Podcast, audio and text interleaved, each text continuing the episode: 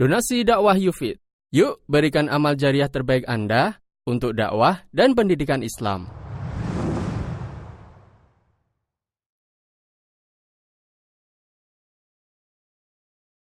Saking asiknya membuka toko padahal sudah hari ala salah, hayya ala falah, maka akhirnya dia dapat jamaahnya cuma salamnya imam.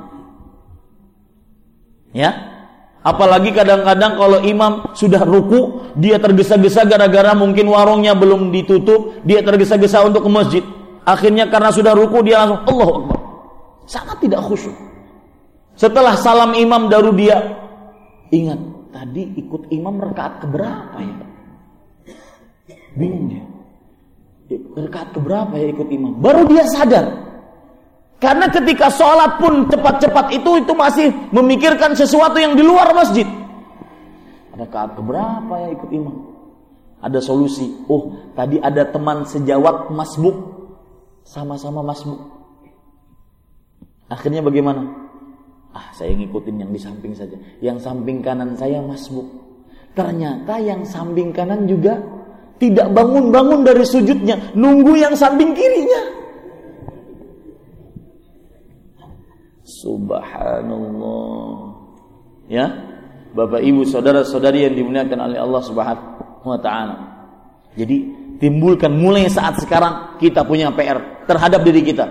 Bagaimana kita merasa rugi, menyesal, merasa kehilangan ketika kehilangan kesempatan untuk beramal ibadah.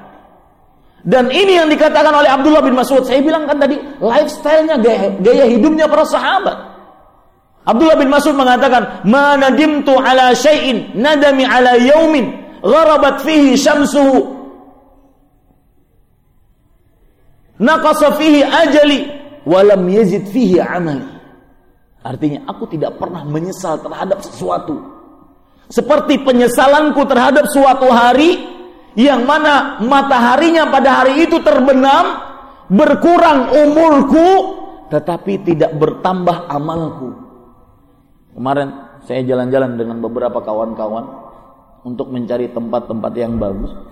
Saya lihat di samping-samping jalan ada orang bengong begini. Ya. Nanti dia ngelihat gitu, duduk-duduk di samping jalan ngelihat apa motor atau mobil yang lewat. Kalau seandainya ada yang indah-indah dipandangin dengan melotot gitu. Melongo, kayaknya nggak ada apa Kayaknya hidupnya tidak ada yang dia cari. Dia habiskan umurnya begitu saja. Maka yang ikut majelis taklim jangan seperti itu. Berbuat apa pun yang bisa digunakan untuk beramal. Karena sesuatu yang paling disesalkan oleh seorang sahabat murid Rasul sallallahu alaihi wasallam 70 surat dari Al-Quran langsung beliau ambil dari mulut Rasul Sallallahu Alaihi Wasallam. Beliau mengatakan, mana dimtu ala syai'in nadami ala yaumin.